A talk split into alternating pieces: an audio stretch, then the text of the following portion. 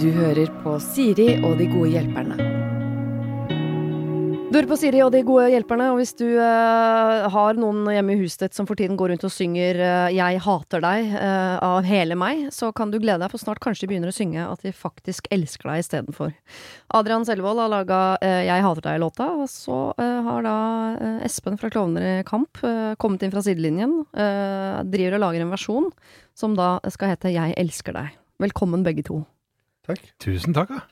Eh, eller hvem var det? Eller fortell, hvem var det som kontakta hvem eh, for, for å gjøre om den 'Jeg eh, hater deg'-låta? Som ja, kan- jeg sier da på ta- nynorsk. Vi kan jo ta det så- sånn som det faktisk skjedde. Dette er Ja. jo litt sånn skjebnebestemt, fordi Uh, jeg og gutta i Klovner, vi var og spilte på Oppturfestivalen i Bodø, tror jeg. Bodø, Ja, for eh, et års tid siden, eller to år siden. Nei, det er lenger enn det. Det er snakk om tre år siden. Nei, er tre år siden. Ja. Og da hadde vi gleden av å henge med Adrian, Ja. som er et fyrverkeri av et menneske. Ja. Vi spiste jo middag på en eller annen restaurant. Fiskerestaurant, eller? Jeg har ikke peiling. Sikkert. Jeg husker ikke, jeg var ganske full. Vi skal ikke rippe opp i hva som skjedde der. De kan ikke trenger ikke å grave Jeg havnet nesten i slåsskamp med en eller annen narkis. Ja. Uh, Men det var i hvert fall en fest å være sammen med Adrian. Ja. uh, og det som er så fint med Adrian, er at han, er jo, han har følelsen ute på kroppen. Eh, og det har vi òg. Mhm. så vi fant skikkelig tonen. Og så skulle jeg på skrivetur med gutta for et par uker siden, og så hadde jeg hørt denne Hater deg-låta. Mm. Og så har jeg sendt en melding til Adrian og sagt at jeg syns den er jævlig fin. Mm. Uh, jeg synes det, er, det er et skikkelig godt håndverk, og den er morsom, og den fenger som faen. Den setter seg så Ja, ja. jævlig. Eh, og så tenkte jeg hm, kanskje det hadde vært gøy å gjort en versjon på det. Møtte de andre det, var jo ganske, det var jo ganske morsomt. Uh, for et, et par uker i forveien der igjen, så sendte jeg melding til dansken. Ja. Og skrev eh, Faen, eh, jeg har ikke sett dere siden opptur, liksom. Vi må jo lage noe sammen. Det Ja. hadde vært dritfett. Jeg, jeg ble jo eh, Jeg følte meg som et barn i en godteributikk Når jeg møtte de første gang. Jeg ble jo starstruck. da.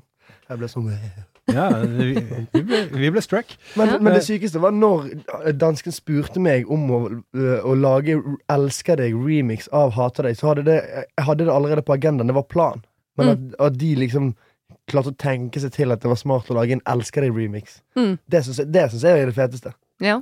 Ja, for det, er- det, er flere, det er flere ting med dette her som er interessant. Fordi eh, jeg tenkte Adrian sendte melding skal vi lage låt sammen, og så tenkte jeg ja, det skal vi. Og så Yay. spiller jeg jo band med to uh, gretne gubber som eh, Eller vi er alle ganske gretne gubber, så hver gang noen foreslår noe, så sier de to andre sånn by default nei. Det er konstant nei-fase. det er, Vi er veldig vanskelige med hverandre. Og så skulle vi på skrivetur, da, så tenkte jeg jeg må foreslå dette her for gutta. Og så da jeg kom på skrivetur, så sa Aslak Ja. Du, den her hater jeg-låta til Adrian. Mhm. Og så sa jeg det er jo utrolig, jeg har snakket med Adrian og sånn. Og så, og så ringte jeg Adrian og sa bare du, nå skal du høre. Eh, vi er superkine.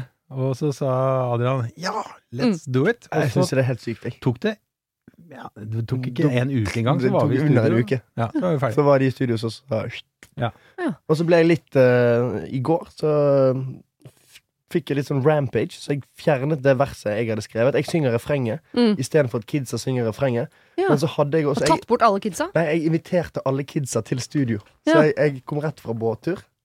Og så går jeg opp i studio, og så der satt alle kidsa i sofaen i studioet mitt. Så jeg hadde alle de søte kidsa fra det barnekoret i studio, og så spilte de inn det nye refrenget på nytt. Men nå, nå synger jeg refrenget først, de første tre gangene, Ja. og så synger kidsa siste refrenget. Ja. Og så har dansken første vers, Aslak andre vers, og så har jeg tredje vers. Som har blitt helt sinnssykt fett. Ja. Jeg fjernet jo Jeg skrev først ett vers, som jeg fjernet. Eh, ble litt sur. Det er derfor jeg er litt sur i dag. Du ser ikke sur ut. Nei, nei, jeg er alltid glad. Jeg bare virket litt sur i dag tidlig, kanskje. Ja. Eh, skrev et nytt vers i går, eh, og det sitter som faen. Ja. Så nå er du blid igjen. Nå er jeg blid. Altså, vi har jo sett deg på 71 grader nord, så det, å følge den der eh, sur-blid-kurven din føler Det er ikke første gang jeg hører om eller ser eh, den, så det, det syns jeg er spennende å følge med på. Humøret mitt går litt opp og ned. Ja, det syns jeg er greit. Eh, og ikke for å ta bort følelsen av å være geni her inne, men jeg altså, sitter jo i bilen sammen med min eh, datter og hører på uh, Hater deg-låta, og det er jo ganske sånn uh, Det ligger jo ganske framme i pannebrasken å synge Elsker deg istedenfor. I hvert fall som mor, når man tenker sånn Kan du ikke heller, kan du ikke heller synge det? Det er mye koseligere. Jeg fikk jo litt kritikk eh, på den låten. Jeg synes den er fantastisk. Vi elsket den begge Ja, den er to. sant? Ja, og det, Det- vi er ikke like gamle, dattera mi og meg, for å si det sånn. Så den spiller i alle retninger. Folk mener jo at den låten er oppfordret til mobbing. Eh, ja. Jeg fikk jo my veldig, me- veldig mye kritikk for låten. Ja. Eh, men låten er jo litt det stikk motsatte. Det er for å fjerne den stigmaen om at eh, eh, å hate er ikke, skal ikke være tabubelagt. Folk, det er akkurat som at folk snakker om at sex er tabubelagt. Skjønner du? Ja. Eller mensen. Ja. Hate òg er også tabubelagt. Det er liksom ikke hat. greit å snakke høyt om hat. Alle hater noen, Ja, ja. spesielt på mandager. Eh, så den låten her er egentlig til alle som hater noen, og fordi at det er lov å hate, det er greit å hate. Ja. Og de som mener at jeg oppfordrer til mobbing, det er tull. Ja. Fordi at hvis en som mobber et annet barn, hvis et barn mobber et barn, så, så ikke, jeg, jeg har ikke skapt en ny setning. Jeg har ikke, jeg har ikke laget ordet 'jeg hater deg'. Nei. Så Uh, et barn som mobber, er i, i full stand til å klare å finne på sjøl å si 'jeg hater deg' eller 'jeg håper du dør i natt'. Ja, jeg er helt enig. Vi skal til noen som hater litt, så det er jo eh, fint å begynne der. Et problem eh, Ja, eh, som er innsendt der, hvor det står Hei, jeg har nylig flyttet inn til kjæresten min, og føler vel kanskje at jeg er litt ny i bygda. Problemet er at naboen her har fått seg en hel gjeng med hunder som snakker i kjeften på hverandre 24 timer i døgnet. Det virker som det er litt vanskelig for de som alltid har bodd her, å si fra om dette. Så jeg lurer på om dere har noen tips til hvordan jeg kan konfrontere dem? For jeg gleder meg veldig til å få en hel natts søvn igjen. Altså, to ting som er vanskelig her. Selvfølgelig å si fra om uh, Si fra er vanskelig generelt. Mm. Mm. Men i hvert fall være hun nye, eller han nye, som må si fra om noe som ingen av de andre har sagt fram før. Ja. Men hva, er det noen måte å gå fram på? Ja, altså, nå blir jeg nysgjerrig. Altså, hvor mange hunder er det snakk om? Vet vi det? Det er snakk om 32 løpehunder, liksom. Huskyer. Og, Ja. ja, også, også rase er også relevant. Ja, hvor mange må det være for å være en gjeng? Det er mer enn fire, da, i hvert fall. Ja. Et sted mellom orgy med fire og 30. Ja. Ja. Jeg vet ikke hva slags hunderase. I hvert fall en gneldrete type. Gneldrete type. Mm. Snakker vi chihuahua, eller snakker vi liksom høylytte rottweilere? La oss si 32 chihuahuaer, da. Bare Ja. for å få et eh, Å, felles bilde på det hele. Mm. Altså, jeg ville gått for den eh, enkle, enkle veien å knytte bånd mellom menneske og dyr. Mm. Eh, og det er jo å fòre dem. Ja. Altså finne ut av hva de liker. Kjøp Mm. en pakke med snacks, Ja, og så bare altså- kaste over gjerdet. Det, det, det er jo det samme med, med min kone i sin tid. Så hadde hun en hund, Jeg og tror du skulle si at du fôret henne for å få henne til å like deg. jeg la, jeg la en sånn Matet stripe henne. med sossiser inn mot soverommet. Nei, men det, eh, alle i familien var veldig imponert over hvor godt håndlag jeg hadde med hund. Ja. Eh, for den hunden ble veldig veldig glad i meg veldig fort. Det, de, det har kommet fram senere, så det avslører ikke noe veldig stort. Men det de ikke fikk med seg da, var jo at hver gang vi spiste noe som helst, så gikk jo halvparten av det som var på min tallerken, det gikk under bordet. Ja. Uh, så jeg knyt, knyttet et veldig godt bånd til denne hunden, mm -hmm. uh, og fremsto da som dyrenes venn. Og det tenker jeg at innsender kanskje også kan vurdere, at man uh, som den nye i, i, i bygda, Mm. så kan du nå ta posisjon som hundehviskeren. Mm. Med disse bikkjene som da eh, holder, holder det gående døgnet rundt, så kan du nå snike deg innpå dem, og så fòre dem. Bare Mm. dytte litt Ja. på under Så gjerdet. når du, Ja. når du går forbi hundegården, så logrer de, legger seg på, på bakken, og så kan du ta posisjon som den som har temmet hundegården. Men problemet er jo om natten, når du, Ja. ikke, når du ikke temmer hundegården. Ja, men da har du muligheten nemlig til å, med den statusen du nå har vunnet, så kan du komme med råd. Jeg kan si at De har fortalt meg Ja. Jeg snakker med hundene dine. De har Mhm. fortalt meg at de syns det er slitsomt å stå som og bjeffe. Ja, De er sikkert bare- jævlig, jævlig slitsomt å stå og bjeffe. Ja, ikke sant? Ja. Dere, dere ser jo hvilket håndlag jeg har med hund. Jeg forstår hundens øh, vesen øh, og syke. Og øh, min anbefaling vil være at den hundegården, den flyttes. Mm. Eller så kan du kjøpe en sånn elektrisk Bluetooth-dispenser, eh, så du kan styre på en telefon. Som ingen vet om fins. Som mater ut leverpostei? Ja, eller do dog snakes. så du kan bare Med en gang du hører woo, woo, woo, så bare Dette er veldig god, uh, gode råd, men uh, så langt så er det jo råd som, som handler om å gå rundt grøten for å slippe å ta den vonde samtalen. Oh. Uh, som jo folk driver med. Ma- Veldig mange driver med dette hele livet. Det er det de bruker tiden sin på. Drive og gå rundt grøten for å slippe å si fra om ting. er ikke det greit, da? Men er det noe, hvis hun ikke har lyst til å legge masse tid i å kjøpe pølser og bli hundehvisker og flytte og sånn, er, er det noe hun kan verbalt bare gjøre? Ring snuten. Ringe snuten. Ja, og si Hei, Naboen bjeffer. Fjern. Ja, hvis de har tid til det, da hører jeg snuten Men- si sånn hvordan- Det der kan, har ikke vi tid Vi til å har ikke tid til det. Det er altfor mye greier som skjer nede på Oslo S. Vi, vi kan ikke komme. Altså, det, det du egentlig vil, er at hun skal konfrontere vedkommende. Jeg vil ingenting, jeg. Jeg, hadde- jeg, hadde- jeg, jeg er veldig rett på sak. Jeg hadde gått rett, rett inn døren. Jeg hadde ikke banket på en gang. Hallo! Ja. Nå er det på tide at du skaffer deg en kurv på de der hundene. Ja, men du har sagt noe sånn 'Hei, jeg er ny i byen. Sorry.' eh, jeg vet ikke hvorfor ingen har sagt fra før meg, men uh, det der gnellinga, det går ikke. Men jeg kan faktisk, du kan ikke si det altså, Uansett om du sier det til en hundeeier, Ja. så hører ikke hundene på det. Hundeeieren kan jo si 'hei, sitt, ligg'. Ja. Nei, men det er, altså, det, Kanskje nøkkelen ligger i at du er ny i byen. At eh, det å sette seg i respekt altså det, Hvis man er ny innsatt i et fengsel, så er det om å finne den største fyren, og så slå han rett ned. Eh, er smart. Så, så får du respekt. Mm. Eh, hun kan hun ser på liksom, bygda kan ikke som et slå ned naboen. Nei, men du, kan- du kan være hun veldig konfronterende. Altså, det som er positivt nå, er at hun vet ikke hvem som er kjipe i byen. Nei. Så det er ingen egentlig å være redd for.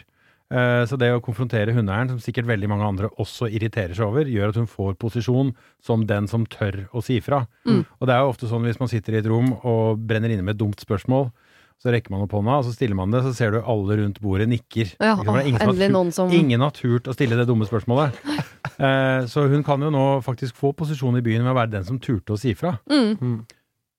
Ja. Så rett og slett, Kanskje så gå, gå og si fra. Så jeg at ja, dels du blir kvitt det hundeglammet, hundegrammet, og nummer to, du får eh, posisjon i bya. By, Mm. Byen. Bya. Men det er jo også en mulighet for at du blir uvenn med naboen. Absolutt. Hvis hun bare gjør meg, Hva mener du? Hunden min er jo så snill. Ja, men jeg tenker at det må man risikere, fordi uansett om du sier det på en hyggelig måte, eller på en sånn sette seg i respekt-måte, eller hvordan du gir den beskjeden, så kommer jo mottaker av beskjeden til å tenke sånn øh, øh, Mm. Tenke det en vil tenke uansett hvilken måte du sier på, så øh, det er ikke noen måte å pakke inn det på. Hvis budskapet er 'hundene dine bjeffer', det må de slutte med. Så er det den eneste informasjonen som skal ligge i setningen. Om du sier det på en hyggelig eller ikke hyggelig måte, så, så er det jo det du sier. Ja, men det kommer litt an på hvordan man sier det, da. Altså hvis du er veldig konfrontert altså, Jævla stygge bikkjene dine gneldrer hele døgnet, er kanskje ikke noe vits å si. Ja, der må man lese mottakeren, tenker jeg. Jeg ville i hvert fall gått inn med en litt sånn uh, rund, hyggelig, inviterende tone og forklart Mm. hva dette skaper av uh, uvesen for meg. Mm. Det, det, den tror jeg mer på enn at man går inn og æreskjeller folk. Mm. Mm. Så gå inn, eh, vær Vær hyggelig, hyggelig. uh, men gi beskjed om at den hundegreldringa den plager deg, og at dere må Mm. finne en eller annen løsning på hvordan det kan bli mindre av den. Da setter du deg respekt som den nye bygda som tør å si fra om ting som helt sikkert har plaget alle de andre. Og uh, funker ikke det, så må du begynne å snike leverpostei under uh, gjerdet via et. Bluetooth-system Ja. som uh, Adrian har foreslått her. Ja, Ja. Eventuelt, eventuelt kan du snike inn litt Imovane i den leverposteien, og så Mm. mater du dem sånn på ettermiddagen kvelden. Ja. Så, så sover de på natta i hvert fall. Da blir både mette og sykt trøtte. Ja. Ja, det er ikke så eh, dumt. Det beste er jo å være, bare være hyggelig. Men på Wish så får du tak i alt. Så den Bluetooth-dispenseren, den, den, Den fins. Den finnes. Det skal jeg love deg. Hver gang man har kommet opp med en oppfinnelse man tenker sånn 'nå var jeg genialt, dette skal jeg produsere', så går det på Wish det. sånn, Hvis ikke det fantes, ja. Hvis ikke det fins, så kommer det noe Ja, ja. etter dette. Antageligvis fra Kina. Dere, nytt problem. Eh, Her er det en 25 år gammel dame som aldri har vært i et ordentlig forhold.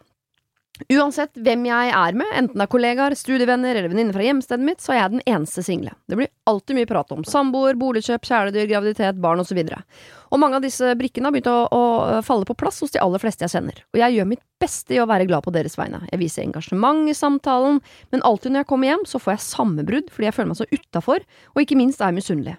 Dette er en svært egosentrisk tankegang, men jeg har jo ingenting av dette, og det er slitsomt å være sosial og alltid bli eksponert for alt du virkelig egentlig ønsker, men er langt unna å ha. De fleste som kjenner meg, vet at mitt høyeste ønske i livet er å få mann, barn, hund og hus. Det typiske A4-livet, altså. Selv om jeg bare er 25 år, så er jeg ekstremt stressa over at ingenting vil gå min vei. Det kommer til å gå bedre jo eldre jeg blir. Det eh, sier folk, men det tror jeg ikke noe på. Jeg trives ekstremt godt i eget eh, selskap og har mange venner, jeg har selvinnsikt og jeg har masse gode egenskaper som jeg tror andre kan sette pris på. Problemet er at jeg kan slite litt med å bli sendt med nye folk, fordi jeg syns det er litt slitsomt. Men samtidig så må jeg jo det, da. Jeg trenger egentlig flere råd. Altså, hvordan flørter man? Har dere tips til hvordan jeg kan endre tankegangen min, slik at jeg slipper å bli lei meg hver gang jeg er sosial? Burde jeg snakke med vennene mine om dette? Jeg forstår jo så godt at de vil snakke om mannen sin, barna sine og huset sitt, og jeg vil ikke være noe brems. Hilsen kvartlivskrisedama. Oi. Mm. Kvartlivskrise. Det er. Cirka 25, da. Ja, jeg er 25 25. Hun er jo nettopp startet livet. Jeg er jo 23. Jeg føler jeg er 80, men uh, jeg er jo ikke hun. Jeg tenker Tinder med en gang. Ja. Rett på Tinder. Quick fix. Quick fix. ja, er det det? Ja, ja, ja. Tinder funker alltid. Jeg har ikke Tinder. Jeg tenker jo at eh, hun, eh, som, som du er inne på, hun er jo tidlig i livet. Jeg må prøve å se litt også på de fordelene hun har, da. Hun har god tid. Hun har god tid, selv om hun Ja. kanskje ikke føler det selv. Og så tenker jeg at det, jeg stiller spørsmål ved om dette er noe hun virkelig selv ønsker, eller om det er fordi hun sammenligner seg med de rundt seg. Mm. Så en mulighet er selvfølgelig å få nye venner. Yngre. Mye, mye yngre venner. Jeg tror ikke det er, jeg tror ikke det er uh, nice å få seg hus, kids, bikkje og hytte på fjellet når du er 25. Men det, det slår meg at kortlivskrisedama hun, hun er den i gjengen som ønsket dette mest. Hun Ja. sier jo til og med sjøl at, at det er tidlig, sånn, men det er det jeg aller mest ønsker meg. Og alle andre har fått det til, okay, så det er det bortsett fra meg. Det er det hun vil. Okay. Mm. Men det er mulig hun har altså, satt seg litt for høye krav, da, kanskje. Altså, For hun maler ut bilde av de andre som ekstremt sånn vellykkede parforhold med barn og bil og sånt. Så du har en sånn idé om at det skal være en sånn perfekt pakke som eh, nærmest deiser ned i, i fanget Mm. ditt, så kommer det jo aldri til å skje. Det er jo, krever jo hardt arbeid og innsats og, og så videre, så hun kanskje må fire litt på kravene og forventningene. Mm. Hun minner kanskje litt om meg. Ja, Jeg det er veldig sånn Åh, Ja, hva gjør du- hva gjør- sånn? Hva gjør du egentlig? med For det? du er jeg blir bare- veldig stressa på at du ikke har eh, kone og hus og Nei, men det er sånn? bare en annen måte, ikke Ja. Jeg, jeg blir alltid dumpet, ikke Å ja. Fordi at jeg driter meg ut. Jeg har gjerne veldig lyst på barn og kone og sånn, men eh, jeg vet jo det at jeg er nødt til å vente en- et par år. Ja, for spørsmålet er, må det skje akkurat nå? Eh, Det er greit å ha lyst på det, men du kan ikke få alt du har lyst på. Nei, i hvert fall ikke samtidig, og ikke med en gang. Og ikke med en gang. Men jeg må spørre, siden jeg har jo da eh, to eh, eh, arter av mann, eh, mannrasen her, så Ja. må jeg spørre dere da. Fordi det er jo litt, litt typisk, vil jeg påstå, at det er eh, jenter som er sånn 'Å, jeg gleder meg til de greiene der'. Men Ja. oftere enn gutta, i hvert fall. Kan dere lukte det på dem når det kommer jenter i eh, 20-30-åra som er sånn folk som de vil ha hus og barn og eh, lån og bikkje og alt, og de vil ha det nå? Merker merkes dere det? fort. Er Det det merkes fort. ja. Og det er litt skummelt, kanskje, eller? Ja, jeg, jeg tror det kan være Jeg kan ikke huske at jeg har vært borti noe sånt, men eh, Jeg syns det er skummelt. Men det, det tror jeg er veldig sånn åpen altså, Det kan godt hende at hennes ekstreme ønske om å få dette her også skremmer unna noen karer. Og husk på det å være 25 år gammel mann, da. Mm. Uh, nå er alle forskjellige, men jeg tror det kan være tidlig for mange å tenke at nå skal jeg etablere meg. Mm. Det kan godt hende at hun skal bare roe seg litt ned og la tida gå litt. Ja, eller at hvert fall veldig mange kanskje ikke tenker så langt som henne. At de tenker sånn 'Å, det hadde vært hyggelig å treffe en som var hyggelig'. Mm. Og så tenker man sånn 'Å, det hadde kanskje vært hyggelig å bli kjæreste med hun som var hyggelig'. Og så tenker man 'Å, hadde vært hyggelig å gifte seg med, og kanskje få barn'. Ja, At ikke man tenker den der hele pakka med en gang sånn 'I kveld skal jeg treffe en som har lyst på eh, boliglån, bikkje og baby'. Ja, og det tror jeg hun, Det virker som at hun er en som kommer veldig raskt til det. Ja. At hun kanskje går på første date, og så er det tilsynelatende bare en sånn uh, bli kjent-date. På date nummer to så kommer barnespørsmålet. Mm. Og det tror jeg jeg ville venta med. Og Ja. det tror jeg er lurt å Men kommer vente på. bikkjespørsmålet på date tre? ja, ikke sant? Mm. Så, men jeg tror jeg ville venta med det, også fordi det å eh, skulle dele livet med noen og ha barn og hus og bikkje og alt sånt, det, da skal du vite at du velger riktig. Mm. Eh, ikke sant? Så det å gi det litt tid, og kanskje ikke blåse den der eh, ønskedrømmen veldig tidlig, er sikkert eh, lurt, tror jeg. Mm. Du sa jo eh, i starten her nå at nå nettopp eh, første date eh, Han mente en date. Men jeg tenker jo Hva om vi blir med på første date? Det programmet. Programmet Å, det så jeg på faktisk i natt! Ja, Det det er er så lættis. det Er så fin program. Vi, vi melder om på.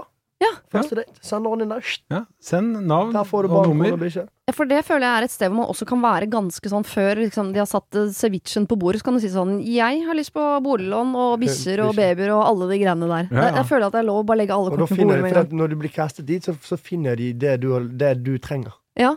Og så, og så setter de på en date, og så blir det egentlig ganske kleint. Men hvis du skriver det som hun har lyst på, så sender vi henne inn da. Vi melder, henne på. Vi melder deg på, OK?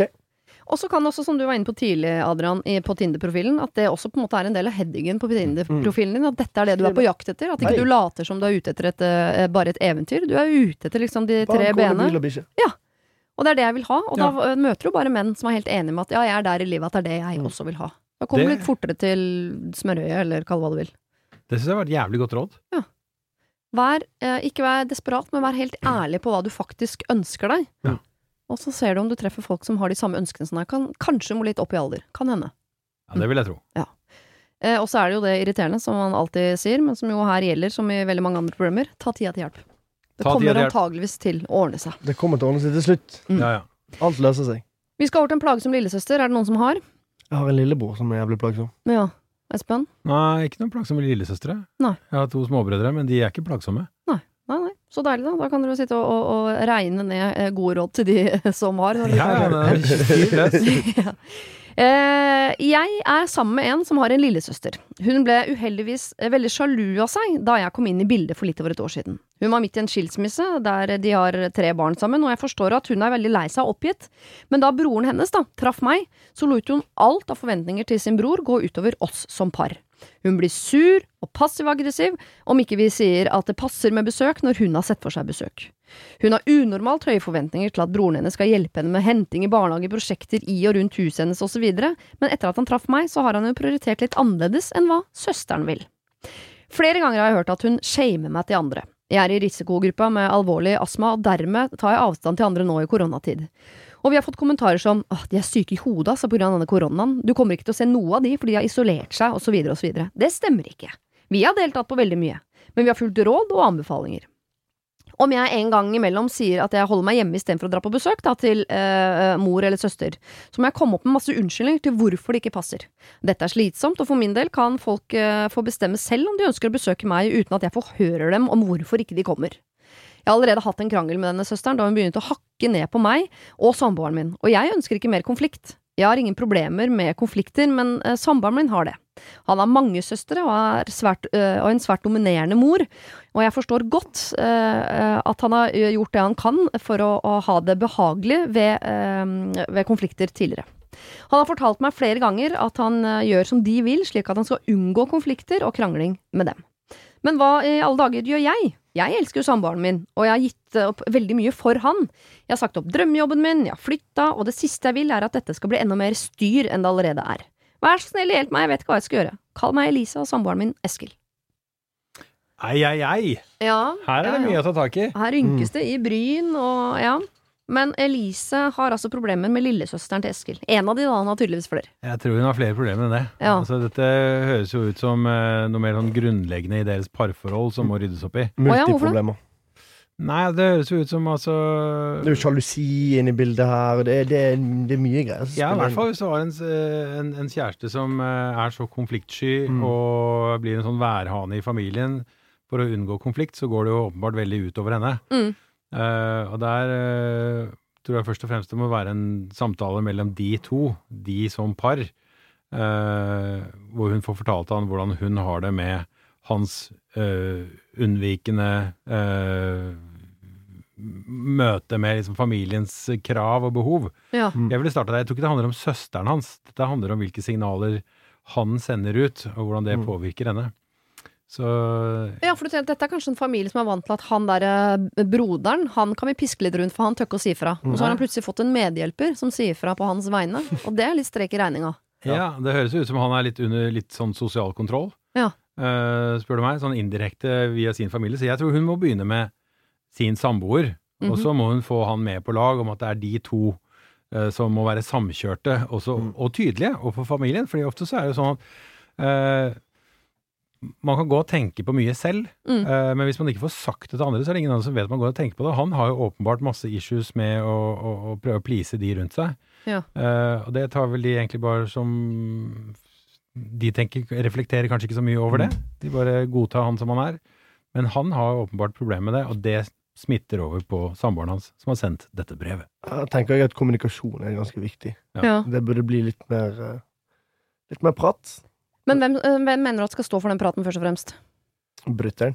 Br- Ja, ja. ja. Ja, må, jeg vet ikke, det, det, alle har jo en eller annen plage, pla, plagsom i familien.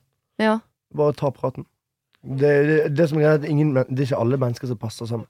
Og hvis lillesøsteren ikke passer med samboeren, Mm. hvis det, var ikke sånn, Jo, jo. så er, jo, så er jo ikke det meant to be at lillesøsteren skal klikke med broren. Så her, her er det, gjelder det bare å ha en liten samtale, Ja, tror jeg. og eh, bare få, få litt koll på situasjonen. Men da må jo jeg bare, jeg bare lurer på om det liksom Jeg skal ikke si at det er skjørt og at det er for seint, det er jo derfor vi er her. Vi skal jo hjelpe til. Men eh, for jeg tror selv om nå eh, Elise får samboeren sin Eskil til å liksom stramme seg opp og gå i dialog med familien sin, da, snakke med lillesøsteren eller de andre søstrene eller mora eller hva det måtte være, så kommer jo de til å sitte i andre enden og tenke sånn Hm, denne siden har vi ikke sett av Eskil før. Mm. Dette må være Elise. Dette er Elises sendebud, Altså, for- og så er det Elise som får uh, dritten Ja. allikevel. Ja, men de kan jo velge også, altså, Hvis de to klarer å ha en samtale eh, hvor hun får satt ord på de problemene hun nå klarer å dele med hele Norge på radio, Mhm. eh, og for han, og at de også eh, konfronterer hans familie som, som to. Mm. Så det er noe vi vil, ikke sant? Så slipper man den derre mistenkeliggjøringen av henne. Er det, er det hun som har endret han? Så er det nei, vi har endret oss. Mm. Vi har endret vår holdning til hvordan Gjort det dette er. sammen. Ja. Det kan også hende at det hadde vært lurt at eh, Elise og denne søsteren ble venninner. For det kan jo hende de bare ikke kjenner hverandre godt nok til at de ser at Mm. eh, På avstand kan jo alle se ut som fienden, på en måte. Kanskje de burde bare gått og tatt en middag sammen, alene? Ja. Tatt seg en, et glass chardonnay. Og det kan jo være en Litt fin bedre, måte å Altså, det er et veldig godt poeng, ikke sant? Altså det å faktisk bli kjent med denne søsteren. Mm. Faktisk ta det derre første, Første initiativ. Ja, ikke sant? Ta initiativet og si du skal vi gå ut og gjøre et eller annet sammen, bli bedre kjent. Mm. Det er vanskeligere å mobbe og plage noen man kjenner. Mm. Eh, og så kanskje hun også får med seg søsteren på laget til å få denne kjæresten til å stramme opp. Fordi han må virkelig stramme opp. Ja, han må jo stramme seg opp. Ja. Hvert fall hvis han kommer fra en familie full av søstre og mødre, og Mm. han er liksom eneste hane i hurven, og så er han i tillegg konfliktsky. Han kommer til å bli spist opp levende. Ja, ja, ja. Stakkars mann. ja fy faen. Ja, det høres jo ganske slitsomt ut. Elise, her må du stramme opp eh, både mannen din, og eh, på den måten også få stramme opp familien hans, som jo har eh, spist av hanen Eskil i årevis. Eh, få sendt han tilbake til liksom hønsefarmen, så han kan si fra eh, på sine egne vegne, og deres vegne. Stå opp som par, og kanskje gå ut og ta en flaske chardonnay, dele den, og bli litt eh, kjent. Så kanskje dere faktisk liker hverandre. Og gjør dere ikke det, så er det ikke så farlig heller. Nei, Det er sant. Vi skal tilbake til Eller vi skal til en eks. Kanskje tilbake til en eks. Uh, og jeg tipper dere begge to vil tenke sånn, det er veldig sjelden en god idé. Eller Og det er en person som vil tilbake til en eks? Ja, han lurer på det. Å ja, han lurer på Ja, det? ja. Ok, jeg får høre. Men før dere får høre problemet, tenker dere at det, er det stort sett en god idé? Det er aldri en god idé, men jeg òg er veldig sånn Jeg vil alltid tilbake igjen. Du vil alltid tilbake til eksen. Jeg er jo nydumpet. Ja, du blir jo alltid dumpet. Jeg så blir alltid du, dumpet. Ja. Eh, Jeg er nydumpet. Um, og jeg vil jo gjerne egentlig tilbake igjen, men så vet jeg at jeg ikke kan. Nei. Og det plager meg, og da blir du enda mer giret. Ikke kan eller ikke får lov? Får ikke lov. Nei, ok, det er to forskjellige ting. Null. Null prosent sjanse i Null havet. prosent sjanse. Hun mm, mm, Nei. Ikke sjans. Men jeg har jo lyst, skjønner du. Ja, ja. For at hun forrige er jo den, den personen jeg trodde jeg skulle tilbringe livet mitt med. Men, Ja. men hva tror du må til, da? Du må, du må, for det første så må du ha livet på stell. Ja. Eh, som jeg sa i pressemeldingen når eh, bruddet kom ut, du kan ikke eh, Når du ikke klarer å ta vare på deg sjøl, Mm. så skal ikke du eh, stå i og prøve å, å, å ta vare på en annen. Nei. Så du klarer å se noe fornuftig opp til det Men er, du- er du villig til å gjøre det, da? Eh, jeg er jo egentlig det. Ja. Men eh, så har du liv, livet mitt, da. Livsstilen min er jo litt eh, annerledes enn alle andre sin.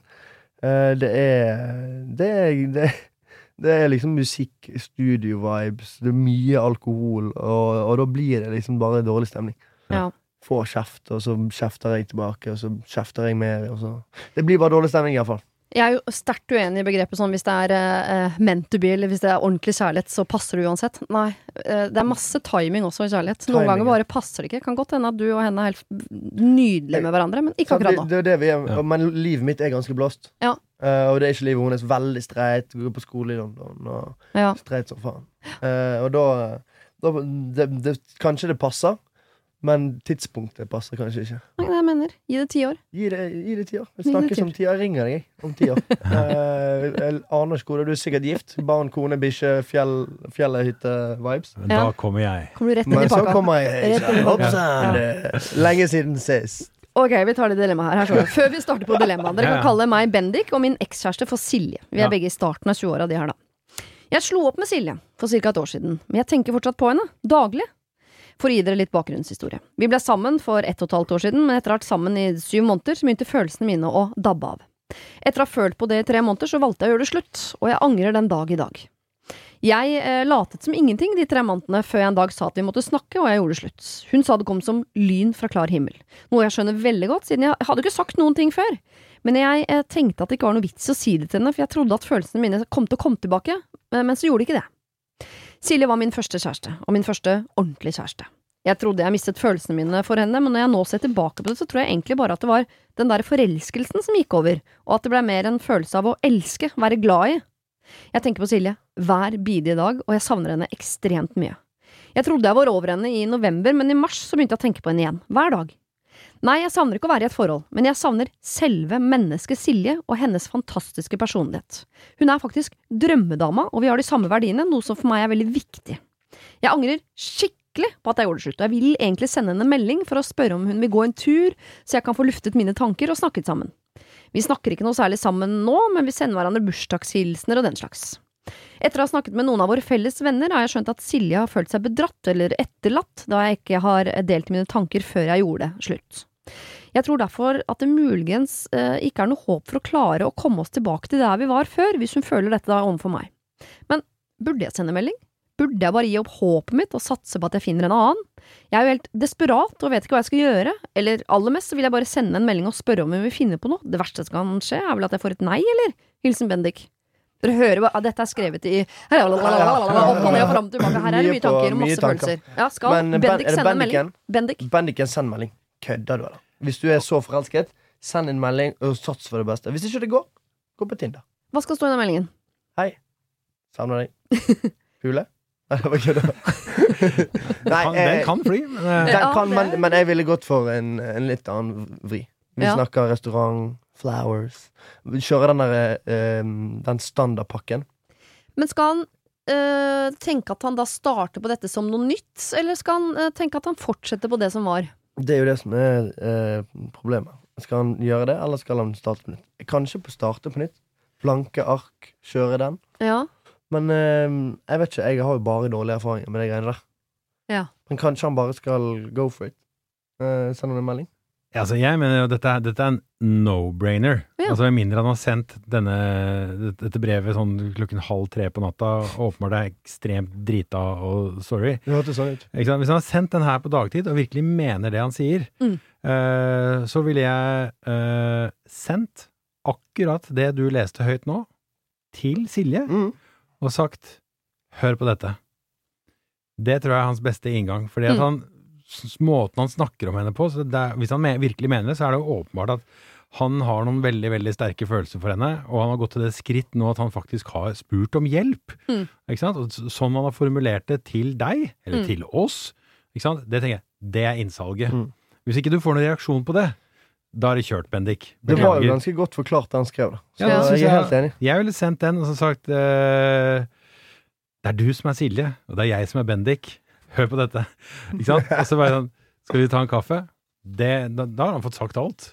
Men da må han også være forberedt på at Silje kommer til å ha en hel del spørsmål på Mm. uh, hva var det som skjedde egentlig. Vi var sammen, og alt var fint, og plutselig en dag så gjorde det slutt. Og du hadde Ja. bare gått gjennom en hel prosess som varte i tre måneder uten å involvere meg. Ja. Det ville jeg som mm, motpart vært ekstremt skeptisk til å gå inn igjen. Jo da, men Mm. han har jo satt veldig ord på det nå, ikke sant, i det han skriver. Ikke Han sant? angrer jo. Han eh, forklarer jo ikke sant, at han har noe, det er første gang han gjør dette her. Ikke sant? Mm. Det er første kjæresten, det er nytt. Han er jo mest sannsynlig relativt ung også. Det er lov å feile, Bendik. Ja, ikke sant? Og det å få masse voldsomme følelser, og så forsvinner de, føler han. Og det går, det, klart, det kan være eh, vanskelig å håndtere. Og så har han nå fått litt tid til å tenke, og så sier han at nei, det var noe der. Mm. Silje, det er jo deg. Ikke sant? Mm. Send dette opptaket. Og så, eh, kjære Silje, eller hva du nå egentlig heter. Send link til det. Ja, ikke sant? For nå mm. hører du faktisk på dette opptaket, og dette er jo Meta Meta og Hei, Bendik som egentlig ikke sant? Hei, hei. Ja, ikke sant? Sjekk ut den her. Nå må du gi Bendik en sjanse, Mm. og så må dere gå ut, og så må dere snakke sammen. Og Bendik, nå har du turt å være åpen på radio, Mm. eh, nå må du også være åpen overfor Silje, og så svare på de spørsmålene hun har, ærlig, tydelig og redelig. Mm. Da har du muligens en sjanse. Så begge to, lykke til, og eh, drikk masse. Drikk veldig masse. Ja, ja. Nå ordner det seg. Men jeg, jeg, i og med at nå Silje og Bendik hører på, Ja. Eh, fordi han har sendt eh, linken til Silje Hei, Ja. Silje Bendik igjen. Ja, ja. Eh, kan vi være litt streng med Bendik også? Fordi hvis han nå begir seg ut på dette nye kapittelet i deres liv sammen, potensielt, skylder han henne noe? Eller har han lov da, la oss si at jeg er nedi andre vinflaska, og så begynner han å tenke sånn den kriblinga, den var ikke Jeg, vet ikke om jeg liker hun Silje så godt allikevel. Eller han, har han nå forplikta seg til eh, de tre b-ene som vi har vært innom flere ganger i dag? Altså eh, boliglån, baby og bikkje. Han er jo ikke forpliktet. Eh, men det er jo greit å gi ting en sjanse, føler jeg. Eh, hvis det ikke klaffer denne gangen heller, så er jo det bare å legge det på is, og så Tinder. Ja, de, Ja. Må, de må jo ikke skrive en livstidskontrakt. Nei. Ikke? Det er ikke sånn Det er sende det dette, og så signerer du her, og så er du bundet for livet. Men det er jo en åpning for å kunne møtes igjen. Mm. Og så må de jo finne ut av hvordan de to vil kommunisere fremover, for det er Mm. åpenbart at han ikke har delt helt hvordan han har det. Kanskje av frykt for å miste henne. Mm. Uh, og så har han gått av frykt for å være i noe som ikke er bra, og så angrer han seg.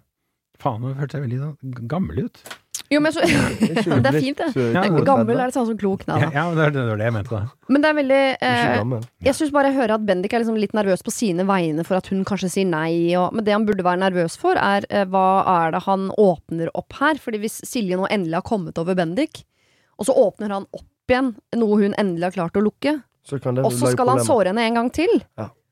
Det er problemet. Ja, det er derfor jeg ville sjekket liksom, når ble den meldingen sendt. Mm. Ikke sant? Ble den Ja. sendt midt på natta? Eller har han tenkt på dette her på dagtid i veldig lang tid og står fullt og helt inne for dette her? Mm. Altså Hvis Bendik hører på dette opptaket nå, som jo nå du også, Silje, hører på, Mm. eh, og tenker sånn Jesus, fuck, hva er det jeg, er det jeg har sagt Mm. eller skrevet? Så ikke send det til Silje. Nei. Ikke sant? Men hvis han mener det, send det til Silje, Send det så til se hva som skjer. Hvis du mener det. Send det til Silje Bendik, ikke sant? Ja. Eller så gå, okay. gå på Tinder. Ja, det er vi enige Bendik, du skal sende uh, enten link til denne uh, lydopptaket uh, til Silje, eller sende hele mailen til Silje, eller et eller annet. Du skal få ta kontakt med Silje. Og da, men i den runden her, uansett om den blir kort eller lang, Mm. så skal du være mye mer åpen om prosessen, hva du føler. Du skal ikke tre nye måneder nå hvor du går og tenker, og så skal du bare gi en beskjed om hva du kom fram til i andre enden. nytt. Nei, ikke sår henne på nytt. Men kanskje vi tre kan lage en liten video til Silje og sende til Bendik på mail? Så, så ordner vi det. Hvor vi oppsummerer, på en måte. Nei, der vi bare sier sånn Hei, Silje, vi vet at han dreit seg ut. Uh, vi, bare, vi, bare, vi tre syns bare at kanskje det hadde vært hyggelig å gitt en sjanse Hvis dere to kan skrive det på rim og få inn et barnekor og noe greier, så Vi lager en sang til Silje. Ja, det vært helt fantastisk. den kommer faktisk ut uh, Jeg elsker det, heter den. Ja, ja. Den gjør det. Det er rett rundt Ja, hjørnet. det, er det, det, det, det han skal gjøre. Skal sende 'Jeg elsker deg'. Har vi nå gjort opp til at det er en låt som eh, er fra Bendik til Silje? Ja, det er det vi har si det? Det er det. Mm. Vi tenkte på han da vi skrev den. Vi har allerede tenkt, eh, tenkt tanken. Har du et problem og trenger hjelp, ja, så sender du det til meg. Da bruker du Siri, alfakrøll, radionorge.no. Dere, vi skal ta et problem. Eh, her, det er et veldig kort problem, så her må man på en måte bare legge i det det man tror det handler om, på mange måter. Det står Hei, jeg og typen min skal på sommerferie sammen, og det er veldig koselig, jeg gleder meg til det, men det er en ulempe. Han har en bror som er singel, og han tror at han bare kan bli med oss på hele vår ferie. Han var med oss på ferie i fjor, men jeg har jo lyst til å dra på tur med kjæresten min alene. Hvordan kan jeg få kjæresten min til å si at Eller hvordan kan jeg eh, si til min kjæreste at jeg vil dra med bare han, uten å skuffe han? eh, Eller broren hans. Det hadde vært eh, godt om dere kunne svare på det. Så, altså. Jeg liker ikke å skuffe folk, men eh, ja. Skjønner dere? Nei, jeg, jeg, er- Vil han dra på ferie med broren? Hun vil på ferie med sin kjæreste, Ja, sånn er det. det er, uten at han skal ha med seg broren sin, sånn som i fjor. Men Ja. han insisterer på å ha med seg broren sin, da. For er de, er de liksom De er hånd i hanske-vibes. Jeg vet ikke om de har hatt muligheten til å insistere, for jeg får ikke inntrykk av at innsender her har sagt fra om dette til noen andre enn oss. Men hvorfor var han med i fjor? Det henger vel sammen med kompiser. Det er jo jævlig rart. Var ikke det broren? Jo. Eller er det en brorbror? En, en, en kompisbror? ja. er det en bro, Er liksom? det en bro? Hvis du vet det er. Vær så snill å si at det ikke er det, for det orker ikke jeg å lese på Hæ? den måten. Så jeg Bro, sier bro? at det er en bror. En ekte Bro, bror. Broren Ja. min! Hei, Bytter jo! Hey, Ja. brorsan. Nei, jeg tror det er eh, altså, ekte blodsbror. Blodsbror. Mm. Ja. Så det, jeg har jo bare forslag som handler om å unngå konfrontasjon. Ja. Uh, Det er veldig vanlig. ja, så jeg, jeg ville jo, hvis jeg var henne, så hadde jeg da uh, vært litt proaktiv. Bestilt billetter. Jeg antar de skal fly. Mm. Uh, men ikke bestilt til broren. Mm. Er ikke det smart, da? Og så er det han, da er det jo kjæresten som må ta det på et tidspunkt, eller broren sier sånn Hei, det er bare to billetter her. Ja. ja. Mhm. Så pass på at de er litt ekstra dyre, sånn Ja. at eh, han ikke blir frista til å kjøpe en egen. ja. Jo, jo. Ja, jeg er helt enig. Ja, det er jo enkleste måten. Det er bare å gjøre det. Ja, ja, bo- Book på et hotell hvor du vet det er ett dobbeltrom igjen. Mm. Og så Det kan backfire hvis han plutselig fant seg en billig billett. Og så var det noen som ja. booket. Eh, har de en eh, campingseng, hva? Ja, det er plass Ja, til det er en sovesofa på det rommet her. Ja. Ja, nei, faen, det er en nøtt, altså. Det er jo altså, en mulighet til å bli veldig godt kjent med broren, og så Mhm. bli sammen med broren. Mhm. ja. Skal hun bli sammen med broren? Ja. Skaper sjalusidrama, oh, som gjør at uh, den virkelige kjæresten hennes da kutter all kontakt med sin kjødelige bror.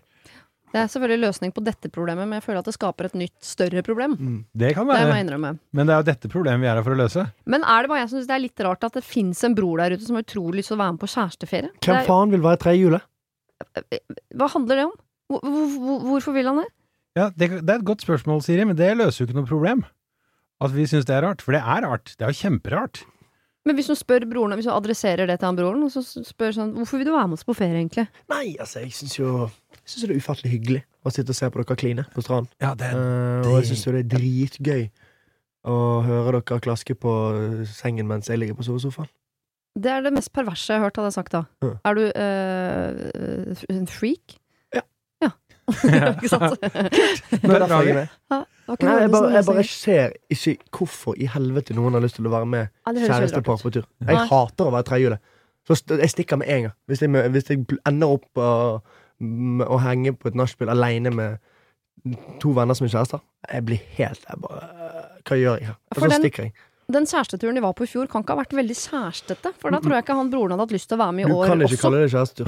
Jeg tror det blir en sånn familietur. en guttastemning. Ja. Guttastemning. ja. Det er hun Oi. som har vært med de to på ferie. Ja, det er akkurat det. Hun, hun lå på rommet og sov på hotellet mens de gutta var ute på Ayanapa bar. Skjønner du? Det tror jeg også. Kan det være at hun, har, at hun ikke leser situasjonen? Jaha. She's not reading the room, som man sier i England, Mhm. hvor jeg har vært. Ikke for å skryte. uh, men eh, Du vet åssen de snakker der òg? Det er veldig ja, bra. det er Ja, ja. Engelsk, sant? British. Jeg er jo Eh, halvt brite. Jeg er halvt London. er det det? Pappa er fra London. Faen, ikke for å skryte, men, uh, Men er- Jo, men det kan jo være at hun leser det feil også, at hun driver og egler seg innpå en sånn eh, kompistur, eller sånn uh, guttatur. Ja, de kan jo vinkle det sånn. Ja, At hun Mm. tenker at dette er en kjærestetur, og så er det egentlig de to som Hva faen skal hun dama være med for? Mm. Eh, jeg, men altså, jeg hadde, hvis jeg var henne, så hadde jeg kjørt det romantiske sneaky kortet med å bare booke en tur med de to. Ja. Det er veldig vanskelig å henge seg på en sånn tur. Men hør nå, ikke for å være hun fornuftige, men eh, det er jo på en måte min oppgave. Ja. Eh, for jeg syns det er veldig rart at ikke man kan si til kjæresten sin Du, årets kjærestetur, er det litt rart at broren din skal være med på den? Det, altså Hvis ikke man kan snakke om det som par, eh, så kan bare hilse og fortelle at eh, det kommer til å komme mye større problemer enn dette etter hvert. Så et sted må man begynne dialogen. Mm.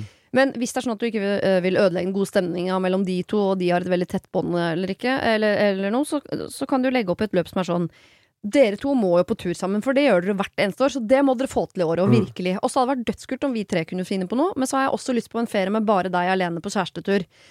Klarer vi å kombinere det? Kunne for eksempel dere dratt La oss si at dere har tatt liksom fem dager i London, da, og så møtes vi Si et annet sted i England, jeg kan bare London. Cornwall. Cornwall. Wales. Eh, eh, eh, og så tar vi en sånn romantisk tur eh, der, og så tar vi tre dager sammen i, på slutten der i Liverpool. Liverpool! Liverpool! Ja. Oi. Liverpool! Og så flyr vi sammen hjem.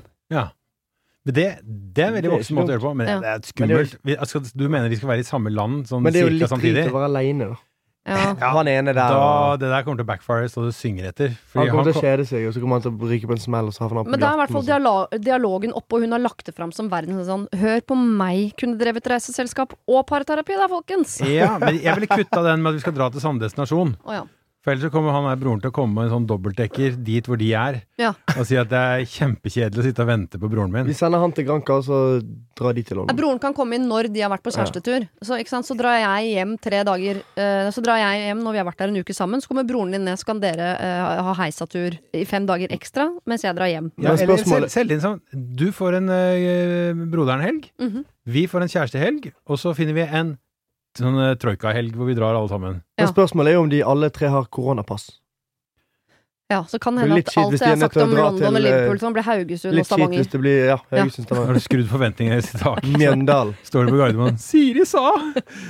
Sa hun hadde tatt vaksine. På vei til Omboke disse Liverpool? billettene til Stavanger. Ja, tur-retur Cornwall. Tur-retur Mjøndalen. Ja. Men altså, dette må dere klare å snakke om. Ja, det mener jeg. Og- hvis kjæresten din syns det er skikkelig rart at du syns det er litt rart at broren også har lyst til å være med dere to på kjærestetur, så kan i hvert fall vi hilse og si at det er ikke du som er rar. Her er det noe annet som er rart.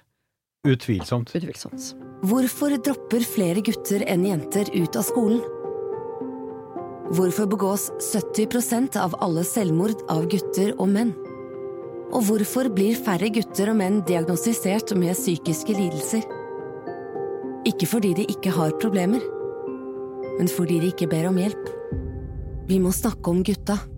Dere skal få et problem som uh, er uh, i utgangspunktet gitt til Mental Helse og Ungdom. Vi har en, en uh, venn der borte som heter Oskar, som en gang i uken ringer oss og gir oss et problem som de har støtt på i sitt yrke. Og så hjelper vi dem å løse det videre. Hør på dette her. Hei, hei, Siri. Jeg har fått inn et problem fra en snart ferdig student i dag, og han skriver følgende. Hallo, mitt navn er Anders, og jeg er en 23 år gammel, tilsynelatende blid gutt. Jeg har et par uker igjen av en til sammen treårig manusutdannelse, og har til min store overraskelse begynt å få kalde føtter angående om denne retningen er noe jeg vil fortsette å jage. Har dere noen tips eller råd til unge menn i en sånn situasjon? Bør man bite tennene sammen og holde ut? Bør man stupe inn i et miljøskifte? Hjelp! Hjelp. Skal han fullføre det han har begynt på, eller skal han hoppe av nå og begynne på noe nytt? Hvor langt er han inni det? Det var et treårig løp, og han hadde vel nå To uker igjen, eller? To To uker uker igjen, ja. Var ikke det? Ja, men da, da er jo det ikke snakk om å ikke fullføre. Nei, jeg driter i det. Det, Ja, er- men var det det? Var det to uker? Ja, jeg tror det. Ja, det, Altså, det må fullføres. Det. Her må du gi gass. Bit tennene sammen. Altså, Ja. frykt og tvil er jo enhver, i hvert fall hvis han jobber på, med, med, med manus, altså enhver liksom, kreativ sjels faste følgesvenn er tvilen og frykten. Mm. Og det er jo bare å face den og hoppe i det, og gi bånn gass. Og han har jo ikke, faen, han har ikke kommet i gang engang. Han er jo på, i, midt i en utdannelse. Ja, men Hvis Ja. han har to uker igjen, fullfør det. Da har du iallfall utdannelsen. Så kan du ta en ny hvis du har lyst. Men til alle de, eh, for å hjelpe litt sånn større, da. La oss si det hadde vært eh, ett år igjen, eller eh, hvis han nå tenker sånn, skal jeg fortsette den retningen, eller skal jeg nå jage den andre drømmen jeg hadde om, om å gå på BI herfra og ut? Jeg vil starte med å spørre meg selv hvorfor begynte jeg på dette her in the first place? Altså, var dette, hva er grunnen til at jeg satte i gang dette? Mm. Og hvis det er fordi ja, da var det alle de andre gjorde, så ville jeg hoppet av med en eneste gang. Mm. Men hvis det var fordi han har hatt en brennende, et, et brennende ønske og en drøm om å formidle eh, gjennom å skape Jeg vil tro det har noe med drama eller serie eller sånt noe, fra han var barn, og så er han nå grepet av en angst eller en frykt for at det kanskje aldri kommer til å gå så bra som han har sett for seg, så ville jeg gitt bånn spiker, Mm. og gitt det i hvert fall fem år.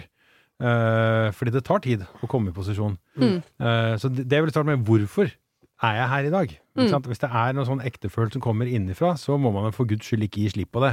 Nei. Og hvis det er at det er litt sånn tilfeldig og litt random hvorfor man havner der, så ja, da fuck it, finn på noe annet. I hvert fall fullfør det du står oppi nå. Eh, Ja. Gi det en sjanse. Og hvis det er helt natta, så må du bare drive med noe annet. Og så kan du eventuelt hente dette opp igjen seinere. Ja, ja, det er ikke noe, noe, er farlig, det er ikke noe farlig å bytte på ting, men hvis, du, hvis man er i noe som man virkelig brenner for, og som man gikk inn i med noe veldig sånn sterkt ønske om å gjennomføre, så øh, kan jeg fortelle hilsen det geriatriske hjørnet. Mhm. eh, altså, livet er brolagt av motstand og øh, failure og fiaskoer og alt mulig sånn, og hvis du gir deg ved den første liksom uh, hurdlen du, du får, så skjer det ikke noe, men du må liksom du må nokke på, da, selv om Mm. det er motstand og vanskelig. Mm. Uh, og så et eller annet sted så, så var det Churchill sa? Altså, du vinner ikke krigen ved å gi deg. Hvorfor ser du på meg når du sier Hva var det, Hva var det Churchill sa igjen, Adrian? Ah, ja, sa du må ikke gi deg. Ja, må Jeg ikke vet du gi ikke? Ja, det er mitt radiøse Du må ikke se på meg og spørre hva Churchill Ja, sa. jeg vet ringer deg alltid hvis jeg er. lurer på noe. Men det, eh, det jeg har lyst til å oppsummere med her, er selvfølgelig Det er det eh, smarte og kloke og voksne å si, det du sier, Ja. Espen. Men når også du, Adrian, uh, sier sånn ja, men herregud, du må jo fullføre, så føler jeg meg helt trygg på at det er det riktige. For da har vi et ganske sånn stort alderssprik her, hvor man er helt enig med at dette her skal fullføres. Det er ikke bare mora og faren din som sier det. Det er fordi det er det som er det fornuftige å gjøre. Det er det. Du skal fullføre Det det er det, står i nå. fornuftige. Ja. Det har to uker igjen. Chill. Herregud, det får du til. Ja, ja, herregud. Gi gass. Ja, Du har hatt verre uker enn det der. Vi skal over til noe eh, større og litt betent. Er dere klare? Ja. Eh, For to-tre år siden så flyttet jeg fra min eksmann, og vi er nå skilt. Vi har to nydelige og aktive barn, og det meste av samarbeidet går heldigvis greit. Dessverre har vi ett stort problem, i hovedsak knyttet til økonomi og et av våre barns fritidsaktivitet. Dette er en ressurskrevende aktivitet på alle vis, både når det gjelder tid og penger. Denne aktiviteten er svært viktig for eh, barnet, som selv velger å bruke en stor del av fritiden sin- på dette, og nettverket det fører med seg, og har nå holdt på med dette i syv år. Fordi det var jeg som i sin tid introduserte barnet for den aktiviteten, som mener nå min eksmann at dette er mitt prosjekt, og derfor så må jeg ta det meste av regningen. Og ansvaret. Dette mener jeg blir feil og urettferdig. Det er snakk om ganske store summer her. Og vi har begge god økonomi, men han tjener en del mer enn meg. Er det virkelig sånn at etter en skilsmisse så kan man bare eh, bestemme selv hva man skal være med på og betale, og hva man ikke skal være med på? Har, eh, vi har eh, en avtale om fordeling, men eh, denne sluttet han å overholde, og venter bare på eh, Nei, og, venter bare ut Vipps-krav til de slettes. Han mener blant annet at han har betalt mye mer enn meg generelt da vi var gift, og klarer ikke å la være å trekke inn vår historie i disse diskusjonene. Her har vi også en ganske ulik oppfatning, og jeg mener det uansett er irrelevant da vi må skille mellom før og etter brudd. Alt er gjort opp mellom oss for lenge siden, og vi ble skrevet begge to på at vi ikke skylder hverandre noen ting. Jeg har ikke noe ønske om å trekke inn advokater i dette, da jeg frykter at det vil gjøre situasjonen mer skitten. Per i dag går det greit å forholde seg til hverandre i hverdagen og rundt barna. Vi har vært på familievernkontor flere ganger uten at det fører til noe annet enn dårlig stemning. Jeg har tenkt at dette kommer til å bli bedre med tiden, men nå kjenner jeg at tålmodigheten min begynner å ta slutt, og jeg er lei av å mase, klage, argumentere for å få han til å være med og bidra. Skal kanskje også sies at det, alt er faste utgifter på begge barna står på meg. Øvrige utgifter som klær, sko, har vi et forholdsvis rundt syn på, og kjøper etter behov uten å dele eller notere dette noe sted. Totalt sett betaler nok jeg mer også her. Men den kampen orker jeg rett og slett ikke å ta, og differansen er ikke så stor heller. Vi er i begynnelsen, slutten av 40-åra, han har ny kjæreste, jeg er singel. Skal jeg bare finne meg i å sitte igjen med regninga? Dere kan kalle meg Pernille. Men eh, det, det, det jeg sitter igjen med etter å ha hørt dette, er hva aktivitet er det den Jeg kiden driver jeg, med? jeg vet det. Jeg, jeg har på... Jeg på hest. Ja, for jeg var hest, seiling eller motocross. Hestseiling eller motocross. Mm. Ja, Et eller annet som må skrus og mekkes på. Hvis Mm. ikke man kan det sjøl, så blir det dyrt. Men det var jo hun som hadde startet prosjektet, og der er jeg litt enig med far. Er det sant? Ja, litt. Ja, da er det hennes prosjekt. Eller er det stygt å si? Nei, nei. Hvis hun har startet så er det hun som er grunnen til utgiftene. sånn. Ikke stygt ment uh, i det hele tatt, men kanskje hun kan ta, hvis, altså 60-40, da. Mm. Skjønner du? Det var jo hennes prosjekt. Hadde ikke hun gjort det, så hadde ikke den utgiften vært Men prosjektet her er jo det barnet, og Det er der er det jo 50, Det har de lagd 50-50, liksom. Ja. Og det er vel ingen skreven regel hvem som skal betale hva? Er det det? Bortsett fra barnebidrag? Nei. Men jeg tror sånn en, Jeg Når det gjelder skilsmisser og brudd, så tror jeg nettopp, som du er inne på, Siri, at man må tenke at eh, selv om ikke man er et par lenger, så har man fortsatt et felles prosjekt, og det er barnet. Mm. Og der må man være rause. Og jeg tror det Jeg ville sagt at han må skjerpe seg, Mhm. og konsekvensen ved at han ikke skjerper seg, er at øh, han på et tidspunkt kan oppleve også at eh, han mister kontakt med sitt eget barn. Ja. Fordi Mm. det er noe med å Selv om foreldrene er skilt, så er det fortsatt mor og far for Mm. barnet. Og det å heller se på det prosjektet som barnets prosjekt, og ikke mors prosjekt. Og si Mm. men jeg supporter mitt barn. Mm. Det tror jeg er en veldig sånn smart måte å gå inn i det. Og barn er jo som elefanter. De husker jo, og de skjønner det kanskje ikke før de blir eldre, men de ser jo også hvem det er som har stilt opp. Mm. Ja. Uh, og, så, så jeg ville helt klart sagt at her må man eh, bidra like mye begge to, og kanskje man skal sette seg ned og lage noen form for regnskap. Altså, sett opp et fuckings budsjett, og se ok, hva er kostnadene, og så splitte på midten, og så husk å være raus. Gi alltid litt mer enn det du egentlig føler at du burde. Mm. Jeg er helt enig. Jeg tror jeg trekker 60-40-løsningen. Ja, men, men, jeg skjønner, men, men jeg Jeg skjønner skjønner hva du mener, men jeg, jeg, jeg tror jeg var litt uh, rask på avtrekkeren. Uh, jeg er litt enig. Er veldig enig. Ja, men jeg forstår jo Altså, jeg skjønner Vær han. enig, for det går jo utover barn. Alt dette. Jeg tenkte ikke på barn oppi dette. Jeg tenkte bare på deres situasjon. Og jeg er helt enig. Jeg tror eh, det viktigste er å gjøre at barnet får en trygg, bra og fin oppvekst, sånn at eh, det slipper å bli psykiske problemer for det barnet. Det blir jo stress.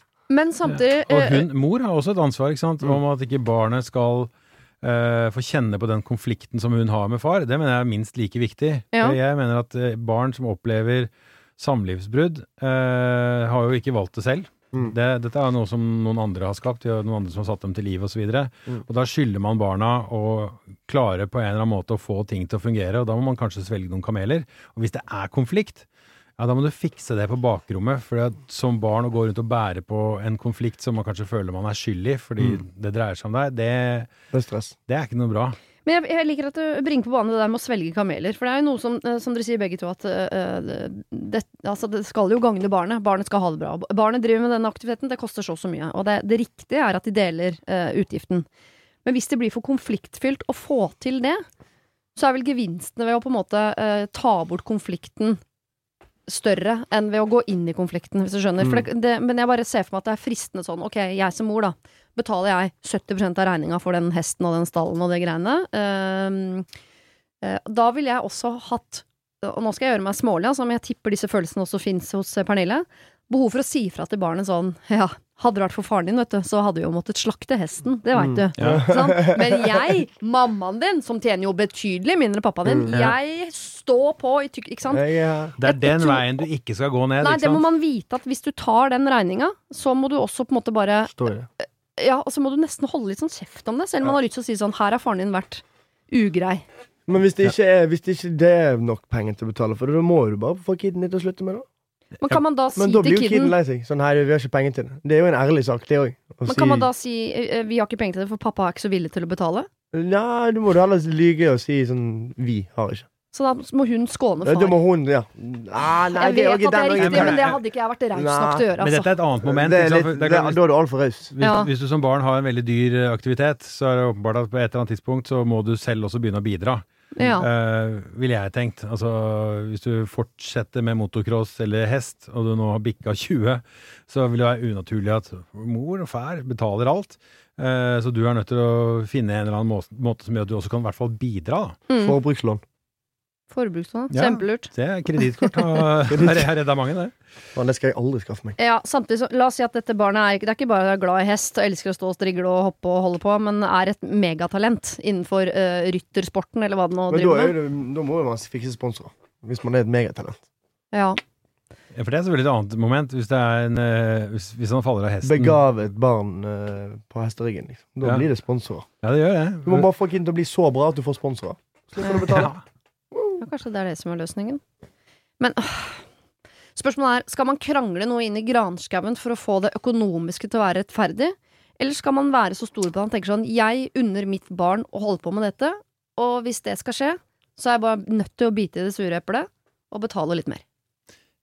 Ja, jeg ville sagt først snakke med mannen om at dette er jo ikke mitt prosjekt. Dette er vårt felles barn sitt prosjekt. Mm. Og jeg ønsker at du bidrar til å få barna til å realisere sine drømmer osv. Det bør være 50-50. Hvis du ikke gjør det, så tar jeg den. Mm. Men konsekvensen av at jeg tar den, vil være at du ikke har vært supportive for ditt eget barn, og det kan jo få noen konsekvenser seinere, fordi barn finner ut av sånne ting. Ja. Når de sier i en alder av 25 'Å, for pappa, han supporta meg hele veien'. Nei, det gjør han ikke. Det gjorde han faktisk ikke. What? Har du båret alt på den minstelønna di?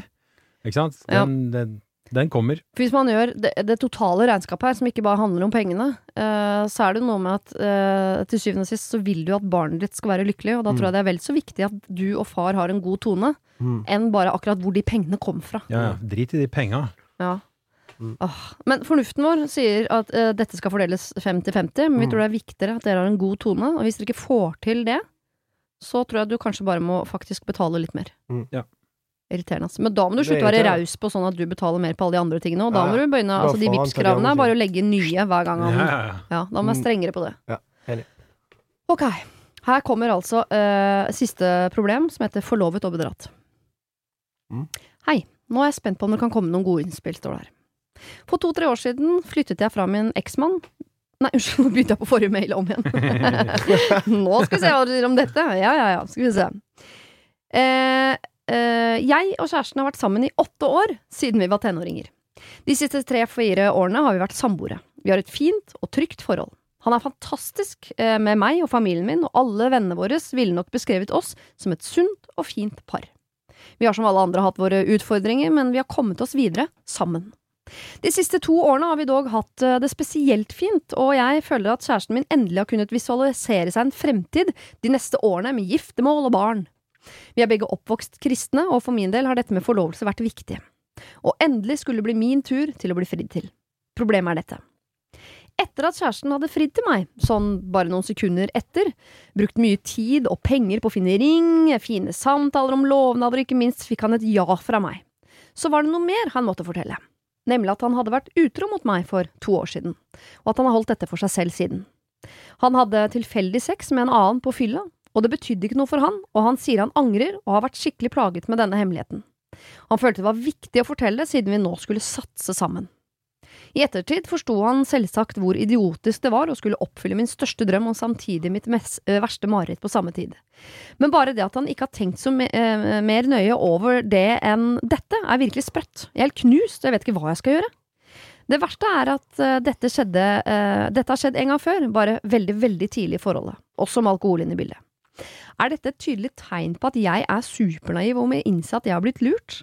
Er dette i det hele tatt mulig å tilgi en gang til? Hilsen sønderknust jente. Wow. Wow. Vil du gifte deg med meg? Ja! Jeg har vært utro. Hei, vil du gifte deg med meg? Jeg pulte en dame for to år siden. Hæ? Han har tima det der veldig dårlig, da. Veldig. Han burde sagt Det det, virker først. nesten taktisk. Sånn, Ja, hvis jeg frir taktisk. først. Det var Ja. dårlig taktisk. Han burde sagt det først, for Ja. sånn tre uker siden. Og Ja. så burde han fridd.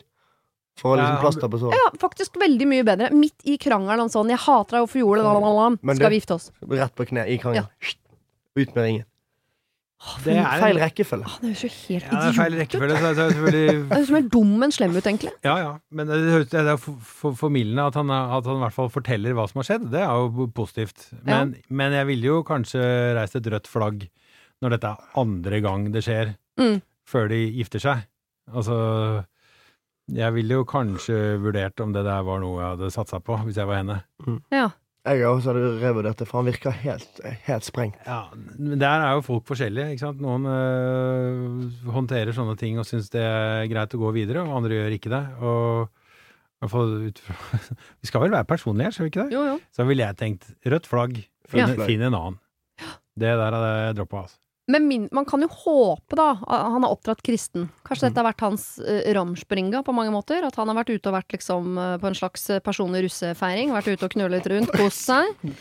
Uh, og så nå, men når han skal gå inn i kirken og love foran Gud at det er deg i gode onde dager til døden skiller oss ad, så er det på en måte uh, betyr det mer enn for mange andre. Da er det ikke noe mer knulling rundt. Da er det oss to herfra ut. Mm. Kan hende. Da måtte jo han liksom ut, katta ut av sekken. Sant? Men Ja. han bare timet det litt dårlig. Absolutt en Han veldig skulle dårlig bare timing. Vært, han skulle bare vært litt mer taktisk. Ja, men jeg vil liksom hvis du tar det sett utenfra. Vil du gifte deg med en person som har vært utro mot deg to ganger? To ganger? To ganger, ja. Ja, ja. Å, jeg trodde det bare var én. Nei, Ja, nei, det var nei. to. Fjern. Da tenker det jeg det, det, er- en det er om- flere fisk i havet enn det, altså. Ja. altså som, eh, det, det, men, men på den annen side, de kan jo ha et eller annet gående. de Det kan jo som- være han ikke kommer til å gjøre det igjen. Men sånn default ville jeg sagt, ikke gjør det. Men skal Nei. du ta den risken? Men er det et alternativ å si sånn, vet du hva, eh, det giftermålet venter vi litt med. Jeg må, jeg må kunne stole på deg først. Ja, ellers så hvis det er noe han eh, Det er et mønster, melde seg inn i en swingersklubb eller et eller annet sånt, da, så jeg er sikker på at eh, du har kontroll på hva som skjer, i hvert fall. Ja. Er det så mange personlige kristne som driver med svinging? Er det noe? Eh, Statistisk sett vil jeg være skeptisk. faen, det har lyst til å prøve. Vet du hva, jeg hadde dumpa han, og så funnet en annen. Du går for dumping. Ja, Jeg går for full dumping. Jeg har absolutt ikke prøvd swingers. Så vidt jeg har lyst til å ligge med mannen min, skal jeg for guds skyld ikke ligge med andre. Det er ganske interessant, det swingersgreiene. altså. Ja. Jeg skjønner ikke hvorfor folk klarer det. Jeg tror ikke det er løsningen der. Altså, der tror jeg vi er inne på et blindspor. Ja, det tror jeg, er greit å ha det Ikke oppe som et tenker- alternativ, men det tror jeg er av blindspor. Ja, ja. Jo, jo, det er fint, det. Ja, men da sier jeg dumping. Full dumping. Full dumping. Ja. Adrian, er du på full dumping? Eh, full dumping. Dump. Fjern. Fjern han fyren. Ja. Her er det et tydelig mønster. Her er det noen røde flagg. Hun kommer jo ikke til å stole på han igjen. Skal hun stå der foran vennene sine og holde den talen og si sånn Du har alltid vært der for meg. Ja. Bortsett fra de gangene du knulla, da! Altså, det hadde jo det. Jeg hadde ikke klart å stå etter å ha sagt det i kirken, jeg. Altså jævlig sneaky og fri først. til din ekte Jeg vet faen hva de sier i kirken. Jeg aldri Nei. Nei, jo mer jeg tenker på det, han, øh, han må ryke, dessverre. Det ble ikke noen gullbillett denne gangen. Du får uh, sende en link til Real Escort. Jeg tror uh, uh, dette her er ikke liv laga, altså. Nei, Det er lost er case. Dessverre. Jeg vet at du har gleda deg til å gifte deg, og du har venta på det frieriet, og det var fint og flott og alt mulig sånn. Det er ikke han. Nei, det blir ikke noe kirkegulv denne gangen. Nei. Du skal gifte deg. Du Ikke med han. men Det kan jo bare bli bedre. Neste gang. Neste mann. Neste mandag. Han, neste mandag. Da treffer du en annen mann, og han skal du gifte deg med. Uff, stakkars, hun er sønderknust. Ja, vi, det var realitetssjekk for Ja, henne. men av og til må Ja. noen rive av plasteret, ikke sant? Ja, ja. Men tror vi hun kommer til å høre på oss, eller tror vi hun kommer til å gifte seg med kisen uansett? Jeg tror hun kommer til å gifte seg med han kisen Ja, det tror jeg. Mm. Men ikke gjør det. Nei, ikke gjør det. Ikke Hør gjør på det. oss, vær så snill. Mhm. Drit i det. Og hvis du gjør det, så skal du legge inn i bryllupstalen.